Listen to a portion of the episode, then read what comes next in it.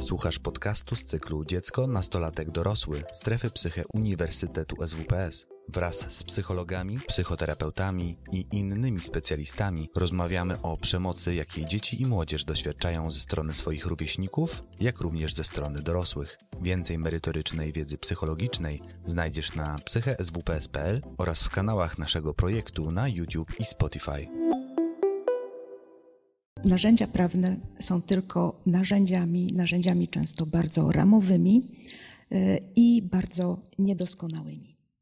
My będziemy mówić, cały czas mówimy o tym dziecku jako osobie nieletniej, e, małoletniej, e, młodocianej, Natomiast y, prawo to, kiedy mówimy o prawie o, związanym z dziećmi, y, bardzo wiele przepisów dotyczy tej relacji pokrewieństwa, a nie, a nie y, osoby, która nie ukończyła pełnoletności, chociaż oczywiście w kontekście tej konferencji to drugie znaczenie ma mm, podstawowe znaczenie.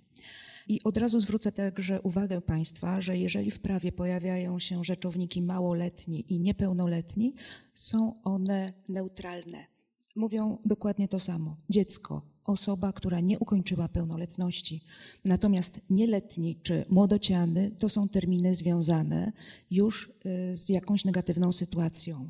Y, młodociany to jest sprawca czynu zabronionego w przepisach karnych, Natomiast nieletni to jest osoba, wobec której stosujemy prawo o postępowaniu w sprawach nieletnich z powodu zagrożenia tej, tego młodego człowieka demoralizacją albo tego, z tego powodu, że on już jakichś czynów tutaj dokonał sprzecznych e, z prawem.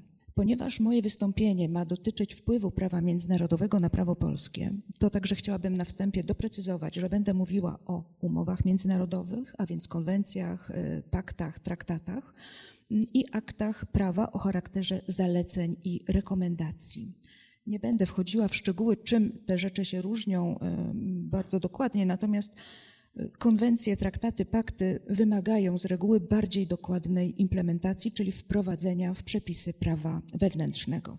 Jakie organy międzynarodowe zajmują się e, dziećmi ofiarami, jakie tworzą bądź współtworzą prawo i praktykę opartą na prawie międzynarodowym. Komitet Praw Dziecka ONZ, Komitet Praw Człowieka ONZ, inne komitety ONZ-owskie, za chwilę wrócę do tego, y, ile ich jest i czym się zajmują, ale także w ramach ONZ-u, w różnych jego agendach działa szereg osób zajmujących się tematycznie jakimiś problemami, na przykład przemocą seksualną wobec dzieci, pornografią, pornografią dziecięcą. To są tak zwani specjaliści sprawozdawczy albo specjalni przedstawiciele do poszczególnych problemów y, związanych y, z przestępczością wobec dzieci. E, programy swoje także ma Wysoki Komisarz do Spraw Praw Człowieka czy Komisarz do Spraw Uchodźców, inne e, agendy na poziomie regionalnym Rada Europy, Trybunał Praw Człowieka w Strasburgu i poszczególne agendy Rady Europy, które zajmują się prawem e, dziecka i w ramach Unii Europejskiej między innymi Agencja Praw Podstawowych, która dokonuje przeglądu ustawodawstw państw członkowskich oraz w bardzo ograniczonym zakresie Europejski Trybunał Sprawiedliwości, ponieważ on jak gdyby nie, nie bada spraw i skarg indywidualnych. Po co nam prawo międzynarodowe? Stanowi pewną podstawę prawną do części działań prewencyjnych, organizacyjnych, represyjnych wobec sprawców i naprawczych wobec ofiar. Kiedy popatrzą Państwo, jak zbudowany jest system prawa, także w Polsce, wpływ na niego ma zarówno prawo ponadnarodowe, jak i prawo polskie. Między tymi obydwoma członami zachodzą liczne interakcje i liczne wpływy. I to nie tylko z prawa międzynarodowego do prawa wewnętrznego, ale także z drugiej strony. W prawo ponadnarodowe mamy poziom uniwersalny i tutaj mamy prawo stanowione w ramach Organizacji Narodów Zjednoczonych i prawo tworzone przez inne organizacje międzynarodowe, na przykład Haską Konferencję Prawa Prywatnego Międzynarodowego. Na poziomie regionalnym w Europie mamy przepisy tworzone w ramach Rady Europy, Unii Europejskiej i innych mniejszych organizacji, na przykład y, czy mniejszych, czy mniej istotnych z punktu widzenia tej y, konferencji, takich jak OBWE. Klasyczny, natomiast w prawie polskim e, hierarchiczny system na czele z konstytucją, niżej ustawy i e, akty wykonawcze do ustaw, czyli rozporządzenia. I wrócę teraz na ten poziom uniwersalny, jemu poświęcę troszeczkę więcej e, uwagi i będę mówiła o prawie przyjmowanym w ramach Organizacji Narodów Zjednoczonych. Najważniejszym w tej chwili traktatem wypracowanym przez tą organizację jest Konwencja o prawach dziecka.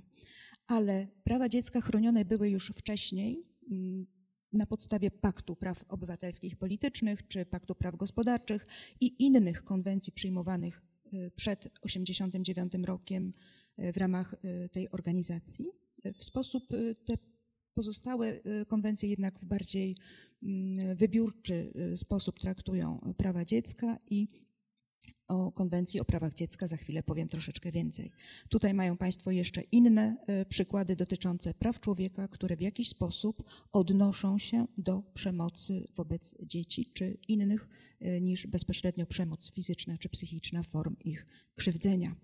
Wcześniejsze e, działania Organizacji Narodów Zjednoczonych także dotyczyły dzieci, między innymi w kontekście zwalczania niewolnictwa, handlu dzieci, e, materiałów pornograficznych, e, narkotyków czy ochrony bezpaństwowców i uchodźców.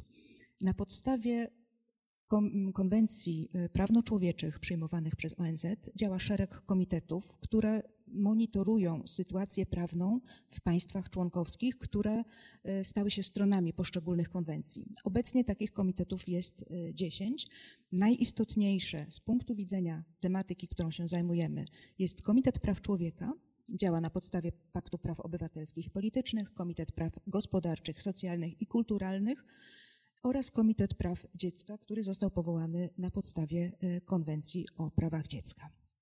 I teraz kilka spraw o tej najważniejszej dla dzieci konwencji, konwencji o prawach dziecka. Z 1989 roku bardzo dużą rolę w jej przyjęciu odegrali Polacy. Weszła w życie bardzo szybko, jak na traktat międzynarodowy, bo już niespełna rok po uchwaleniu. Polska jest nią związana od 1991 roku. W podstawie tej konwencji powołano Komitet Praw Dziecka, który obraduje w Genewie, ma trzy sesje w ciągu roku, mniej więcej trzytygodniowe i jego członkowie wybierani są na e, czteroletnie e, kadencje. Głównymi zadaniami jest właśnie po pierwsze okresowa ocena e, sposobu wdrażania postanowień konwencji przez poszczególne państwa.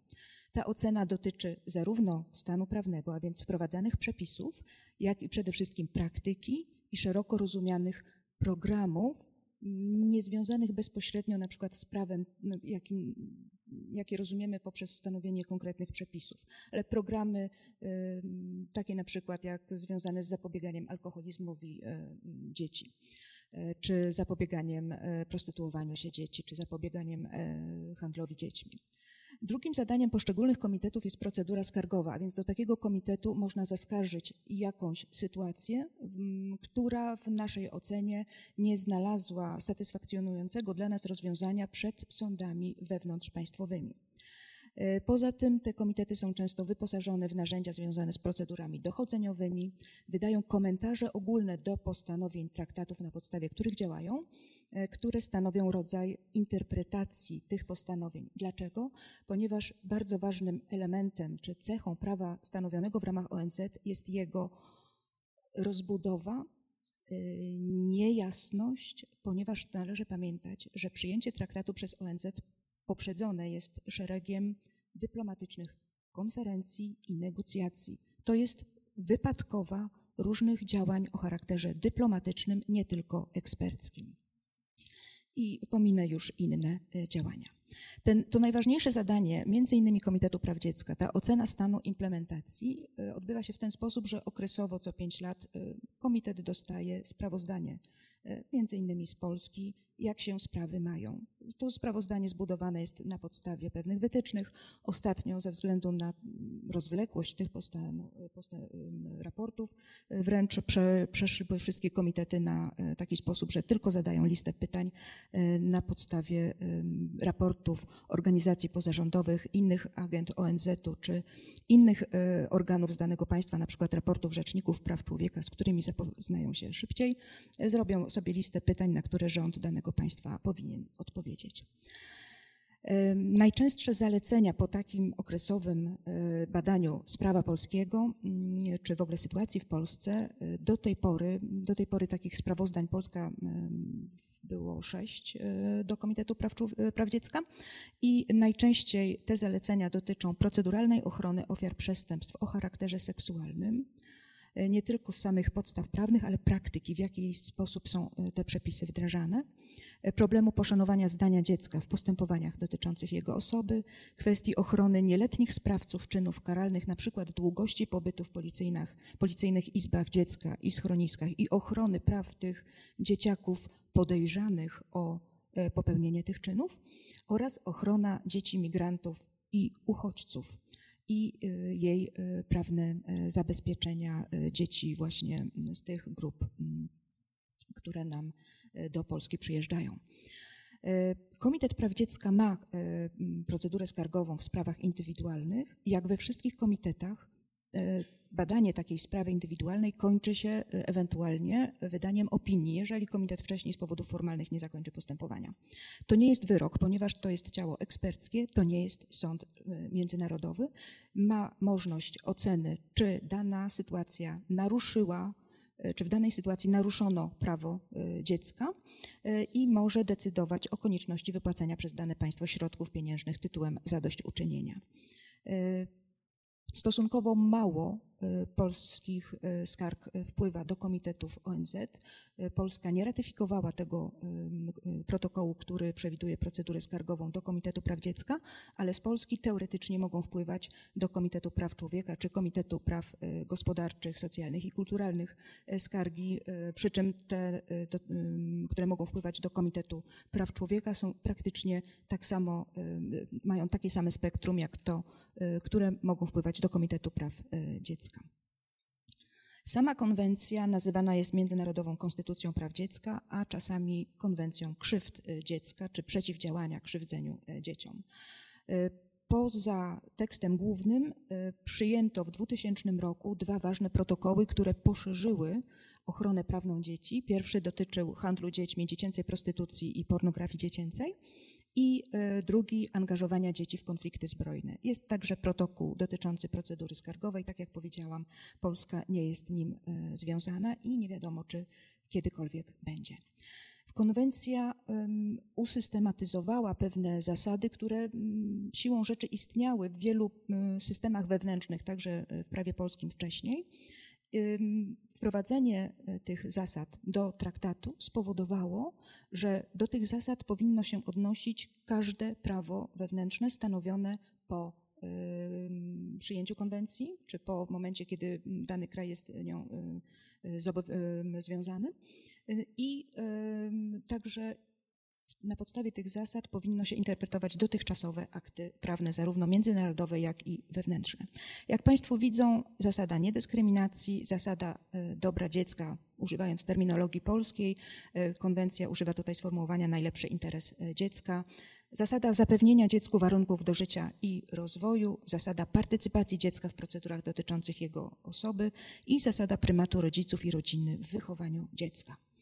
Wrócę mm, do tego e, poziomu, mm, e, do tego slajdu e, pokazującego te interakcje pomiędzy poszczególnymi elementami systemu prawa stanowionego i proszę zobaczyć przykłady wpływu konwencji praw dziecka na prawo na przykład Unii Europejskiej, gdzie mamy wprost odwołania w karcie praw podstawowych Unii Europejskiej do sformułowań konwencji o prawach dziecka, czy postanowienia kodeksu rodzinnego i opiekuńczego. I tutaj zaznaczę, to jest akt z lat 60., nasz polski kodeks, a więc te postanowienia wyprzedzały samą konwencję i w momencie, kiedy myśmy ją przyjmowali, tylko były sprawdzane, czy wystarczająco y, y, są zgodne z tym traktatem.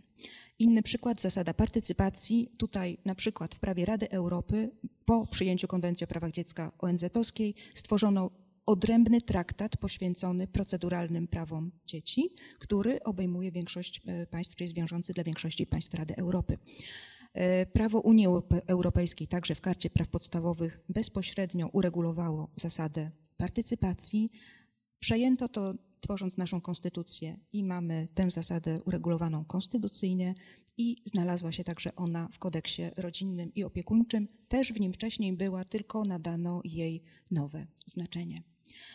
Na temat przemocy konwencja zawiera szereg e, przepisów. Tak jak powiedziałam, jest e, postrzegana jako konwencja o krzywdach dzieci.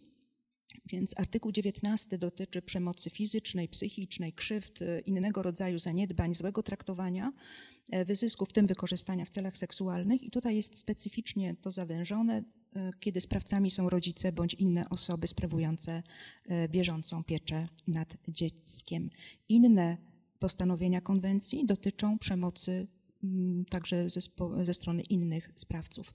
E, w Konstytucji przejęliśmy tutaj ten wpływ e, ONZ-owski, widać w, w, pierwszym ustępie artykułu 72, e, nakazującym każdej osobie, a więc każdemu z nas reagować na krzywdę dziecka i no, oczekiwać pomocy państwa.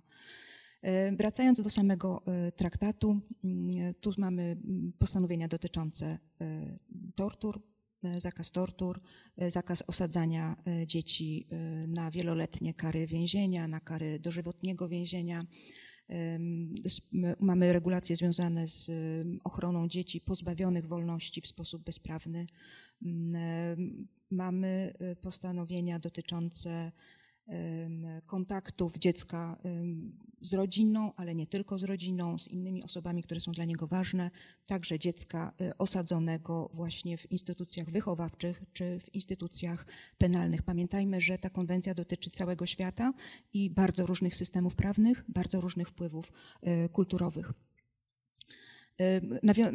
Przyjęcie jakiegokolwiek traktatu z zakresu prawa ochrony praw człowieka wymaga potem wprowadzenia w prawie wewnętrznym środków w prawie karnym, administracyjnym, cywilnym, e, środków o zasięgu krajowym, bilateralnych umów, wielostronnych umów.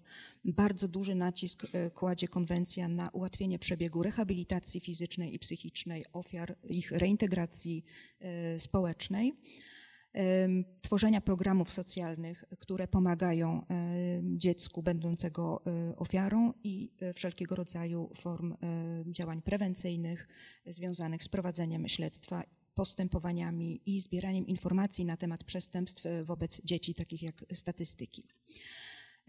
Szczegółowo konwencja reguluje problematykę uprowadzeń, sprzedaży dzieci, handlu dziećmi, wyzysku e, dzieci, wyzysku seksualnego, nadużyć seksualnych, w tym nakłaniania dzieci do działań seksualnych, wykorzystania do prostytucji czy wykorzystania ich wizerunków w materiałach e, pornograficznych.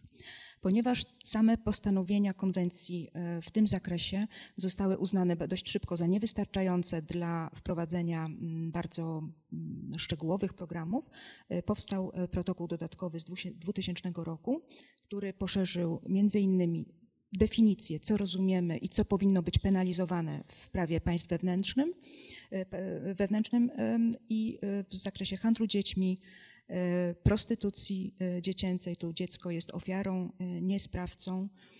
Dziecko nie podlega penalizacji, czy w zakresie pornografii dziecięcej i do tego problemu jeszcze wrócę pod koniec mojego wystąpienia. Penalizacja przestępstw, przestępstw związanych z tymi zjawiskami jak handel dziećmi, prostytucja czy pornografia dziecięca powinna um, na podstawie prawa wewnętrznego być niezależna od tego, gdzie popełniono przestępstwo, a więc czy tutaj właściwe będą sądy E, inaczej, sądy polskie powinny być zawsze właściwe, jeżeli to dotyczy obywatela polskiego, nawet jeżeli on e, krzywdzi dzieci chociażby w Tajlandii. Tak. Karalne powinny być wszelkie formy popełnienia przestępstw, o tym też za chwilę takie przykłady będę e, mówić. I protokół wprowadził także odpowiedzialność osób prawnych. Jeżeli Państwo cokolwiek wiedzą na temat prawa karnego, to karę możemy stosować, jeżeli udowodnimy indywidualnie winę. Natomiast protokół przewiduje odpowiedzialność osób prawnych zaangażowanych e, chociażby w handel e, dziećmi czy e, handel pornografią. A więc całe przedsiębiorstwo czy organizacja zostaną ukarane, a nie tylko pojedynczy pracownicy, którzy dopuścili się czynów zagrożonych karą. Protokół nałożył obowiązek odpowiednio wysokich sankcji, o tym słyszeliśmy w poprzednim wystąpieniu. Nałożył obowiązek ułatwiania ekstradycji i współpracy międzynarodowej przy przestępstwach przeciwko dzieciom. E, i konfiskaty e, dóbr, e, które były wykorzystane do popełnienia tych przestępstw, łącznie z tym, że niektóre obiekty przewiduje się, że mogłyby być zamknięte. To jest przewidziane w prawie międzynarodowym, niekoniecznie potem w prawie wewnętrznym poszczególnych państw, chociaż się do tego zobowiązały. E, tak jak powiedziałam, duży nacisk jest położony na kwestię e, pomocy ofiarom i rekonwalescencję e, fizyczną oraz prowadzenie tutaj odpowiednich procedur. Duży co do procedur jest to dosyć rozbudowany fragment protokołu, który, w którym podkreśla się konieczność dostosowania wszystkich procedur do wrażliwości dzieci, do informowania dzieci o tym, co się dzieje w trakcie procedury, czego się mogą spodziewać przedstawienia opinii dziecka, uwzględnienia jego opinii w toku postępowania, wysłuchania jego potrzeb, jego obaw e, i wsparcia odpowiednich służb dla dzieci ofiar. I tutaj mm, implementując postanowienia między innymi z tego protokołu, przyjęto w 2013 roku rozporządzenie ministra sprawiedliwości, wcześniej nowelizując kodeks karny, w sprawie i kodeks postępowania e, karnego e, w sprawie przygotowania e, przesłuchań małoletnich, który reguluje warunki techniczne takiego wysłuchania, to jak ma wyglądać pokój przesłuchań, jaki ma być skład gremium przepytującego dziecko, ile razy można dziecko przesłuchać i tutaj nawiązując do protokołu wprowadzono zasadę unikania wtórnej wiktymizacji małoletniego.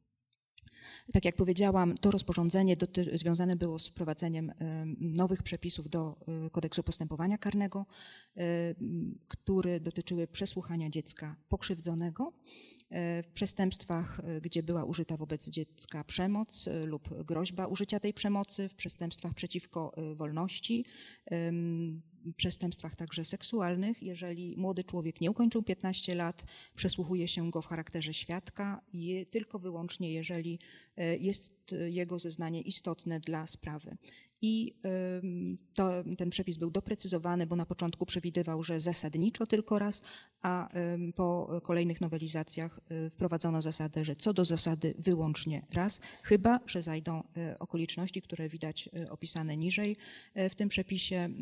Nowe okoliczności wychodzą na jaw, trzeba coś wyjaśnić dodatkowo, albo oskarżony nie miał obrońcy w czasie pierwszego wysłuchania i adwokat oskarżonej osoby domaga się zadania, możliwości zadania kolejnych pytań e, dziecku. E, przesłuchanie przeprowadza sąd na posiedzeniu z udziałem biegłego psychologa. To jest też e, bardzo tutaj ważne, żeby taki psycholog był wsparciem dla dziecka, które bądź było samo ofiarą i jest przesłuchiwane jako świadek, bądź też właśnie tylko jako świadek opowiada o tym, co stało się komuś e, innemu.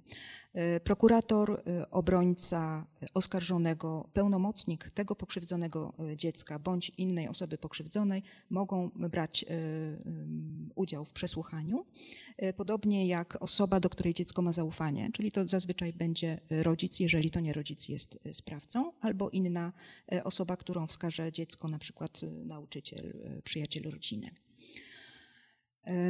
Bardzo ważną kwestią, na którą zwraca uwagę tutaj e, protokół, jest kwestia ochrony prywatności i tożsamości dzieci ofiar. E, podjęcie środków, które mają na celu uniknięcie e, rozpowszechniania informacji, które mogą doprowadzić do identyfikacji dziecka ofiary, ponieważ grozi to wtórną wiktymizacją dziecka pokazywaniem przez kolegów, koleżanki prawda, w szkole czy nękaniem e, przez inne osoby, kwestia e, także jakiejś zemsty za ujawnienie e, przestępstwa, które miało miejsce. Protokół nakłada obowiązek ochrony także całych rodzin, jeżeli jest to e, konieczne ze względu na zastraszanie i e, zemstę i e, kładzie nacisk na szybkie postępowanie w sprawach dotyczących dzieci. No, ten postulat jest trudny często do zrealizowania, chociażby z tego powodu, że jak słyszeliśmy w poprzednim postępowaniu, chociażby mm, pozyskanie informacji o tym, co się stało, wymaga e, czasu, gdy biegły e, terapeuta musi nawiązać relację z dzieckiem i sąd oczekuje szybkiej opinii biegłego, prokurator oczekuje szybkiej opinii biegłego, natomiast biegły nie zawsze może tą opinię w sposób szybki sądowi przedstawić. Między innymi z tego powodu, że wymaga to dłuższej pracy z dzieckiem. Konwencja, wracam teraz do głównego tekstu traktatu, przewiduje, że każde państwo może wprowadzić dodatkowe przepisy, które w sposób szerszy, w zależności od potrzeb, będą e, dzieci chroniły. I przejdę teraz na poziom e, regionalny i tutaj Europejska Konwencja Praw Człowieka i Podstawowych Wolności i działający na jej podstawie Europejski Trybunał Praw Człowieka w Strasburgu. Na pewno Państwo słyszeli o tym, że ktoś był niezadowolony z rozstrzygnięć sądów polskich i szukał Sprawiedliwości w Strasburgu. Ale to nie jest jedyny traktat, który dotyczy przestępstw przeciwko dzieciom, krzywdzenia dzieci. Tutaj mamy całe spektrum e, traktatów, które są wiążące i które wymuszają także dostosowanie prawa wewnętrznego do ich treści. To między innymi konwencja o przysposobieniu dzieci, e, o przywracaniu pieczy nad dzieckiem, o zapobieganiu torturom, już wcześniej wspomniana przeze mnie konwencja o wykonywaniu praw dzieci we wszystkich postępowaniach, które dzieci dotyczą. Y, mamy cyberprzestępczość, mamy także y, konwencję w sprawie kontaktów z dziećmi, czy konwencję dotyczącą problematyki seksualnego wykorzystania dzieci. Kolejny przykład, konwencja w sprawie kontaktów z dziećmi, tych relacji wewnętrznych, tak, powstała na bazie orzeczeń Europejskiego Trybunału Praw Człowieka, ponieważ spora część państw Rady Europy nie miała wcześniej szczegółowych przepisów regulujących kwestie kontaktów, także w sytuacji, kiedy kontakt z dorosłym zagraża dobru dziecka, jest dla niego szkodliwy. Jest to kontakt z potencjalnym sprawcą dotychczasowych przestępstw przeciwko e, dzieci, dzieciom. E, w 2008 roku na podstawie tej konwencji i na podstawie, poszerzając także postanowienia związane z wpływem konwencji o prawach dziecka, znowelizowany został kodeks rodzinny i opiekuńczy w Polsce i rozbudowano przepisy dotyczące kontaktów. To jest prawo cywilne. Tutaj nie mamy sankcji karnych, e, ale mm, sąd, jeżeli kontakt z daną osobą zagraża dobru dziecka, może e, sąd ograniczyć na wniosek opiekunów prawnych czy rodzica sprawującego władzę rodzicielską kontakt do odpowiedniej formy. Czy to będzie kontakt nadzorowany przez osoby trzecie, czy przez specjalistę, czy on będzie miał ograniczenie tylko okresowe ze względu na dobro dziecka takie ograniczenie może nastąpić. Niestety te przepisy nie zapobiegają nam takiej sytuacji, o jakiej mówiła też pani Zmarzlik, kiedy realizacja kontaktu y, na siłę, ponieważ, y, co jest ważne, kontakt jest zarówno prawem, jak i obowiązkiem, zarówno ze strony rodziców, jak i ze strony dziecka, co jest y, dla wielu osób dość kontrowersyjne i dziecko w świetle prawa powinno się kontaktom poddać. Dlaczego? Ponieważ wcześniejsze badania psychologiczne pokazywały, że odseparowanie na siłę właśnie e, dziecka od chociażby jednego z rodziców potencjalnie w przyszłości ma negatywny wpływ na jego rozwój i na jego postawy, chociażby wobec rodzica czy, czy wobec osób sprawujących funkcję rodzicielską danej płci, także na jego wybory życiowe. E, natomiast okazało się, że żadne narzędzie, które stworzy człowiek prawny, nie jest narzędziem doskonałym i e, te e, przepisy związane z realizacją prawa do kontaktów także mogą stanowić źródło krzywdy dziecka, kiedy dziecko zmusza się dla jego dobra do kontaktu z osobą, z którą e, kontaktu mieć nie chce. E, te przepisy umożliwiły także e, wprowadzenie całkowitego zakazu kontaktów z dzieckiem, jeżeli by to zagrażało dobru małoletniego. Samo orzecznictwo wszystkich organów międzynarodowych zarówno tych orzeczniczych, jak Europejski Trybunał Praw Człowieka, jak i e, orzecznictwo tych ONZ-owskich organów, które tylko wydają opinie e, w mniejszym stopniu wiążące, e, podlegało ewolucji w związku z tym, że w ogóle ewolucja naszej świadomości i wiedza ogólna się zmieniała w czasie. I w latach 80. na przykład były orzeczenia wydawane w Strasburgu, które no, y, może nie pochwalały karcenia fizycznego dzieci, na przykład y, w szkole czy w rodzinie, y, natomiast uznawały, że nie jest to sprzeczne z prawem europejskim i z prawem człowieka. Ta sytuacja w latach 90. się zmieniła. Ta, ta ostatnia sprawa Costello-Robert już była wskazaniem, że przemoc wobec dziecka, więc fizyczne karcenie dziecka, stosowanie kar wobec dziecka jest sprzeczne z prawem dziecka do ochrony jego godności E, i zapobieganiu torturom. Kolejny element naszego systemu regionalnego, Karta Praw Podstawowych. Tutaj mamy też szereg instrumentów z zakresu prawa cywilnego, rozporządzenie, które dotyczy jurysdykcji uznawania, wykonywania orzeczeń zapadłych w jednym państwie członkowskim w innym realizacji tych postanowień w innych państwach członkowskich e, Unii dotyczy między innymi uprowadzeń e, rodzicielskich. To jest bardzo duży e, problem związany z krzywdzeniem dzieci, czasami stosowaniem także przemocy domowej i między innymi to rozporządzenie dotyczy tego problemu i wkrótce zostanie zastąpione. E, w sierpniu wejdzie w życie e, nowy dokument, który troszeczkę uelastycznia nam sposób tutaj wykonywania tych orzeczeń zapadłych w jednym państwie członkowskim, w pozostałych państwach Unii Europejskiej. Kwestii krzywdzenia dziecka, przemocy wobec dzieci jest poświęcony szereg rezolucji Parlamentu Europejskiego. To są te akty prawne, które mają charakter zaleceń E, są w mniejszym stopniu bezpośrednio wiążące, ale państwa członkowskie e, Unii, podobne dokumenty przyjmowane są w ramach Rady Europy, e, powinny przyjąć zarówno przepisy, jak i szeroko rozumiane programy wykonawcze, idące w tym kierunku, który jest wskazany w danym zaleceniu. Jak Państwo widzą, najnowsza rezolucja Parlamentu Europejskiego jest już z 5 kwietnia tego roku w sprawie ochrony praw dziecka w postępowaniu w sprawach cywilnych, administracyjnych i rodzinnych. E, także jak Państwo widzą, widzą te interakcje są bardzo liczne i na tworzenie prawa zarówno europejskiego, jak i tego na poziomie uniwersalnym także ma wpływ e, prawo polskie poprzez uczestnictwo naszych delegatów we wszystkich gremiach, które e, te przepisy tworzą. E, w ramach e, Unii Europejskiej wspomniałam wcześniej, że działa Agencja Praw Podstawowych i tu, ponieważ w tej informacji dotyczącej mojego wystąpienia było, że pokażę coś, co zostało pochwalone międzynarodowo, to między innymi w takim raporcie z 2015 roku, który dotyczył wprowadzania systemów wymiaru sprawiedliwości przyjaznego dzieciom. To jest duży problem, któremu poświęca w ostatnich latach dużo uwagi zarówno Unia Europejska, jak i Rada Europy. Pokazano polskie rozwiązanie wypracowane przez e, fundację dawniej Dzieci Niczyje, dzisiaj dajemy dzieciom siłę, te polskie słynne niebieskie pokoje. E, w 2015 roku Polska, e, Francja i Wielka Brytania przyjęły podobne rozwiązania. W innych państwach Unii Europejskiej nie było tego typu przepisów.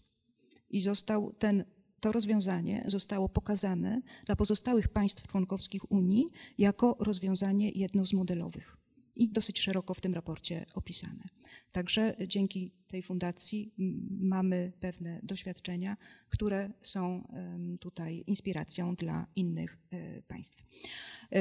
Tak jak powiedziałam, e, Unia Europejska przyjmuje e, szereg przepisów, także takich o charakterze bardziej współpracy z zakresu prawa karnego. Mamy ten problem seksualnego wykorzystania dzieci i pornografii dziecięcej.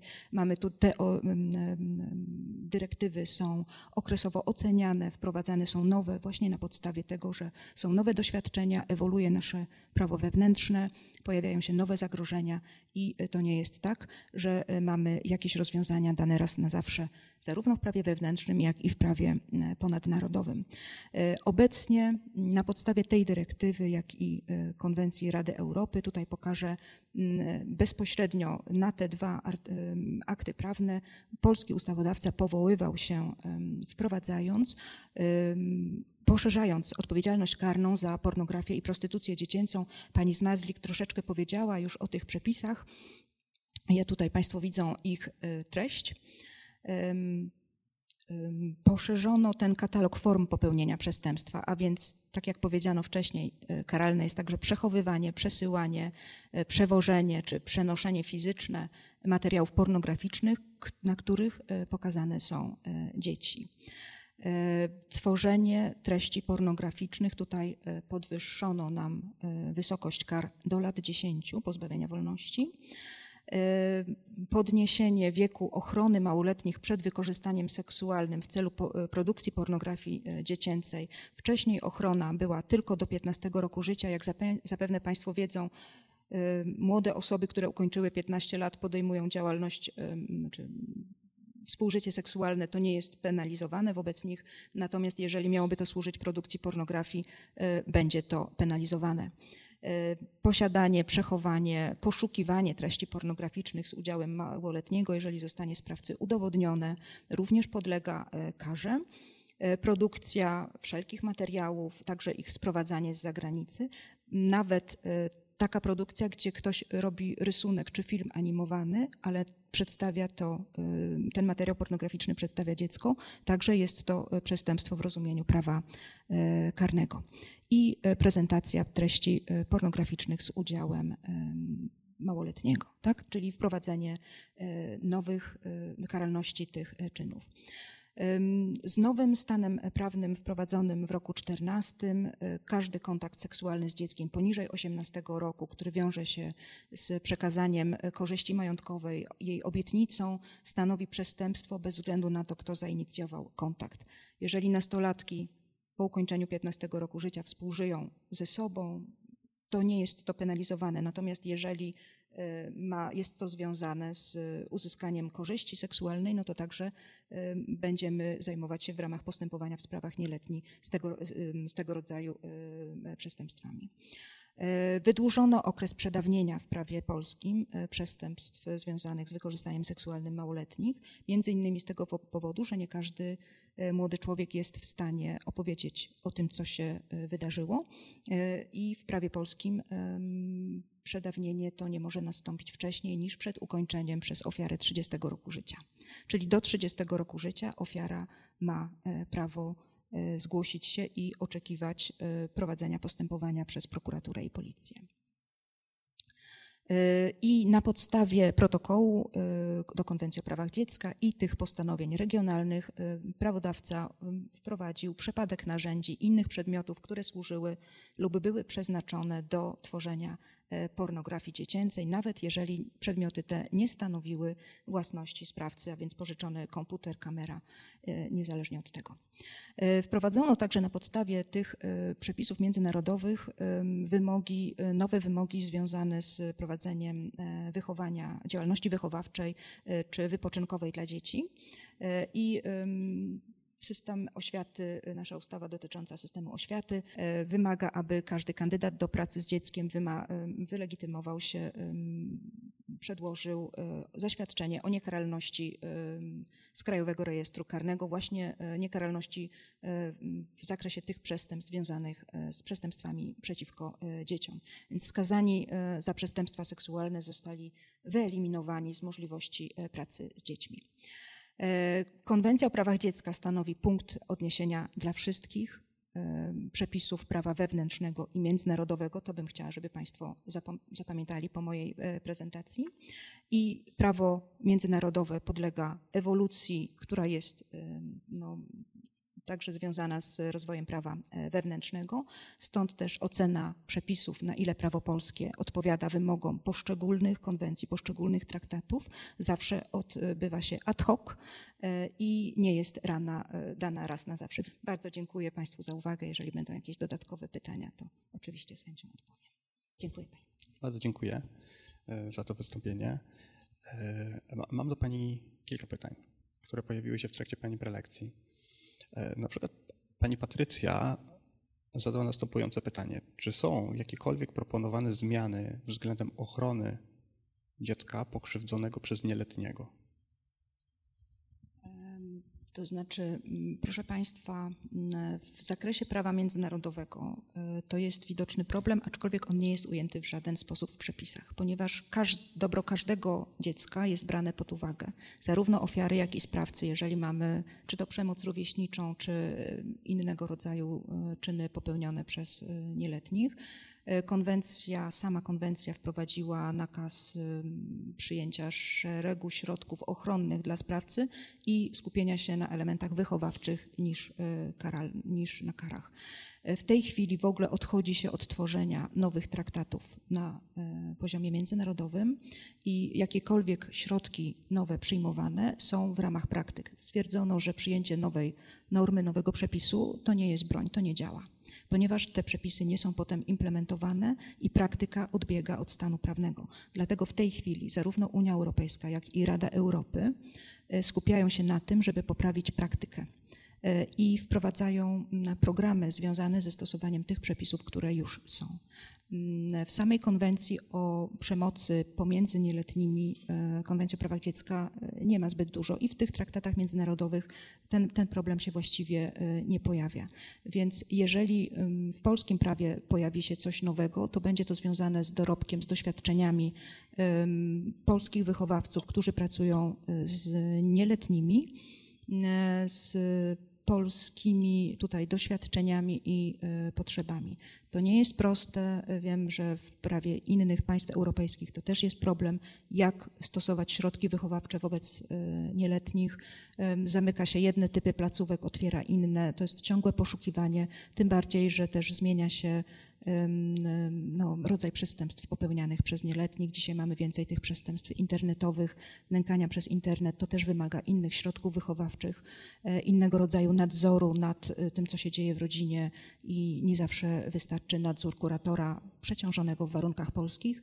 E, nie zawsze też placówki wychowawcze czy poprawcze, w zależności od tego, gdzie zostanie skierowany nieletni, są wystarczająco dobrze przygotowane do pracy z daną osobą. Mhm. Dziękuję. Myślę, że to drugie pytanie, które zadała pani Magdalena, będzie trochę nawiązywało do, do, tego pierwszego, do tego, co pani mówiła. Bo pani Magdalena zadała pytanie, jaki jest poziom praktycznej implementacji prawa międzynarodowego w polski porządek prawny? Na podstawie każdego traktatu działa jakieś ciało, które to sprawdza. E, w ramach ONZ-u robią to te komitety. W ramach Rady Europy właściwie ocena następuje mm, przez różne gremia, to są często oficjalnie na przykład spotkania ministrów e, z danej dziedziny, e, czy to e, ministrów sprawiedliwości, czy edukacji, czy do pracy i polityki socjalnej, w zależności od tego, gdzie dane przepisy są, o którym traktacie mówimy. I to jest oceniane i często jest tak, że jeżeli ustawodawca wprowadzając Polski jakąś zmianę, nie zawsze odwołuje się wprost w uzasadnieniu danej zmiany y, prawnej, że tutaj wprowadzam zmianę, bo ratyfikowaliśmy taką czy inną y, konwencję. Czasami to jest zupełnie pominięte i tylko analiza tych przepisów i przepisów prawa międzynarodowego nam to pokazuje. Natomiast także pod kątem każdej Y, każdego traktatu robi to, to ciało międzynarodowe, czy wprowadziliśmy, czy nie wprowadziliśmy. Natomiast z punktu widzenia, i to potem, ponieważ jak Państwo widzieli, na poziomie ONZ-u mamy na przykład y, uregulowaną kwestię przestępczości seksualnej, na, pod, na poziomie Rady Europy tak samo, na poziomie Unii Europejskiej tak samo mamy inne przepisy. Każdy z tych przepisów jest inaczej sformułowany.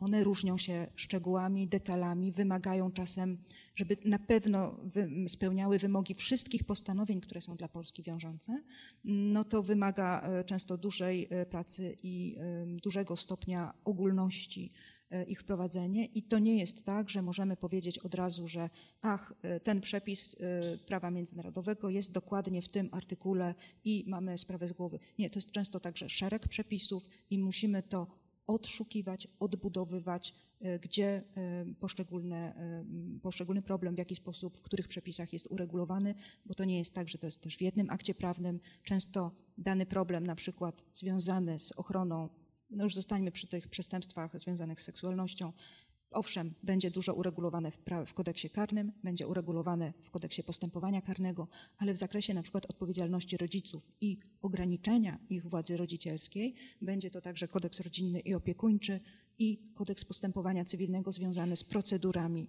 zabezpieczenia e, dzieci, czy kiedy trzeba będzie dziecko, ofiarę takich przestępstw umieścić w pieczy zastępczej, to będą kolejne też e, przepisy i na przykład e, mm, o ustawie o wspieraniu rodziny i systemie pieczy zastępczej, gdzie na przykład mamy taki przepis, że nieletniego, o którego Państwo pytali, jeżeli nie jest skierowany do placówki, a do systemu pieczy zastępczej, nie należy umieszczać z innymi dziećmi, które nie miały problemów e, z prawem w jednej rodzinie po to, żeby ten nieletni nie miał negatywnego e, wpływu na te pozostałe dzieci będące w pieczy zastępczej w danej placówce czy w danej rodzinie, w danym rodzinnym domu dziecka, żeby też nie zagroził, nie skrzywdził czy nie zdemoralizował tych dzieci. Więc e, zobowiązania związane z jednym traktatem często krzyżują się ze zobowiązaniami innych traktatów i wprowadzane są w prawie polskim nie kazuistycznie, ale en bloc jako pewien model i to trzeba tak na to patrzeć e, szeroko. Nie jest to takie proste do od, od, odcyfrowania tak na, na dzień dobry. Dziękuję bardzo. To ostatnie pytanie będzie dotyczyło czegoś, o czym Pani powiedziała w trakcie swojej prelekcji, bo mówiąc o Konwencji o ochronie praw dziecka mhm. ONZ, powiedziała Pani, że niektóre z tych przepisów nie są wiążące e, ze względu na to, że Polska nie ratyfikowała jednego z protokołów. Protokołu skargowego. Co tak. to oznacza w praktyce? E, protokół skargowy, on przewiduje to, że można poskarżyć się do Komitetu y, Praw Dziecka, że y, naruszane są y, prawa dziecka określone w konwencji w związku z jakimś zdarzeniem, które już zostało rozpatrzone przez sądy wewnętrzne danego państwa, no w naszym wypadku sądy polskie. Myśmy się na to nie zdecydowali jako państwo. W tej chwili um, Około 30 kilku państw jest stronami tego protokołu i skargi z 30 iluś państw mogą do e, komitetu wpływać. Mm, one e, między innymi dlatego nie ratyfikowaliśmy, że to jest pierwszy protokół międzynarodowy, który dopuszcza, że to dziecko samo może złożyć skargę do organu międzynarodowego. E, do innych organów, do Komitetu Praw Człowieka, który wcześniej już działał w ONZ, taką skargę przedstawiciel ustawowy dziecka może złożyć, ale nie samo dziecko które nie ma zdolności do czynności prawnych. E, to jest dosyć kontrowersyjne ze względu na to, że e, dzieci często podlegają manipulacji. Mm, I e, ustawodawca polski zdecydował, że mm, to jest jeden powód. Drugi powód jest taki, że w ogóle ogranicza w tej chwili dostęp do wszystkich skargowych procedur międzynarodowych ustawodawca polski ze względu na ich ewolucję, ze względu na rozszerzanie zobowiązań i obowiązków państw na podstawie już istniejących traktatów. Na przykład na podstawie Europejskiej Konwencji Praw Człowieka mówi się o takim zjawisku no, przyrostu czy poszerzania poprzez orzecznictwo Europejskiego Trybunału Praw Człowieka w Strasburgu zakresu ochrony. Także to wychodzi poza ten poziom ochrony, na który decydowały się państwa, wiążąc się daną konwencją. Zresztą podobny proces obserwujemy w ramach ONZ-u. E, prawa człowieka są ekspansywne, e, że tak powiem, e, i w związku z powyższym łatwiej jest uzyskać mm, no, stwierdzenie, że jakaś sytuacja narusza prawo danej jednostki i w związku z powyższym uzyskać jakąś rekompensatę bądź wskazanie do zmiany prawa wewnętrznego. Państwa, no, takie jak Polska na przykład, starają się ograniczyć ten wpływ, przynajmniej w ostatnim zakresie, okresie, co nie oznacza, że kiedyś nie ratyfikujemy tego, tego protokołu. Dziękuję Pani bardzo. Proszę Dziękuję bardzo. też za Pani prelekcję Dziękuję i za bardzo. pojawienie się u nas. Dziękuję. Dziękuję bardzo za taką możliwość.